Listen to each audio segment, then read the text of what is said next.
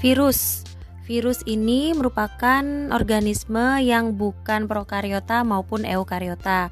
Anda perhatikan pada struktur tubuh virus. Yang ada yang ada pada slide itu akan ada bakteriofage dan influenza.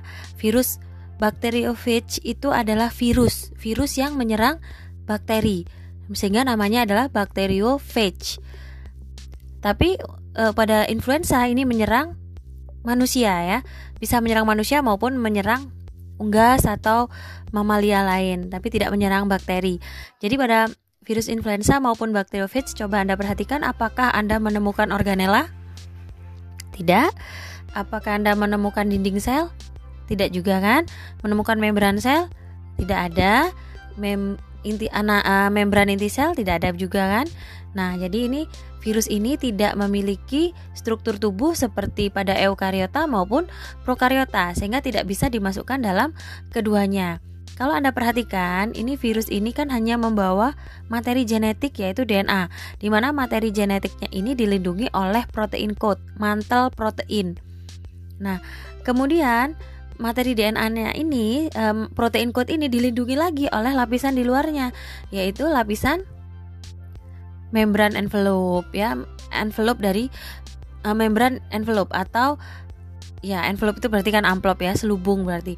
Tapi bukan berarti ini adalah membran seperti halnya pada prokariota maupun eukariota ini adalah membran yang berbeda.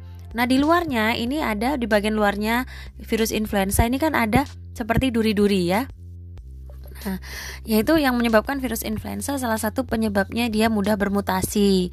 Sehingga ada banyak sekali jenis dari virus influenza. Misalkan flu burung, flu babi itu adalah jenis flu influ, flu virus flu yang mudah bermutasi. Kemudian pada bakteriofage itu Anda perhatikan bentuknya agak sedikit berbeda ya. Ini seperti pada alien-alien gitu ya kalau kita lihat film alien gitu ya, alien gitu ya. Nah, Anda perhatikan itu ada tail ekor di mana ekornya ini ternyata memiliki serabut serabut ekor. Nah, jadi nanti jika uh, virus ini menempel pada mikro pada organisme yang sesuai, dia akan menyuntikkan materi DNA-nya ini untuk memperbanyak diri. Jadi kenapa virus ini berbeda dari prokariota maupun eukariota selain organella maupun inti selnya? Perbedaan lain adalah dia tidak bisa melakukan perbanyakan diri secara generatif atau kawin ya atau maupun vegetatif dengan membelah diri. Jadi pada virus ini dia akan memperbanyak diri dengan cara menyuntikkan DNA-nya ke sel lain yang lebih tinggi tingkatannya.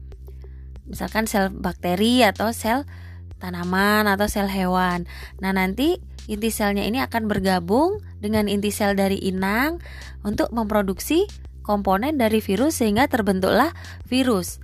Maka dari itu virus ini tidak bisa digolongkan sebagai makhluk hidup, tapi juga tidak bisa digolongkan sebagai benda mati.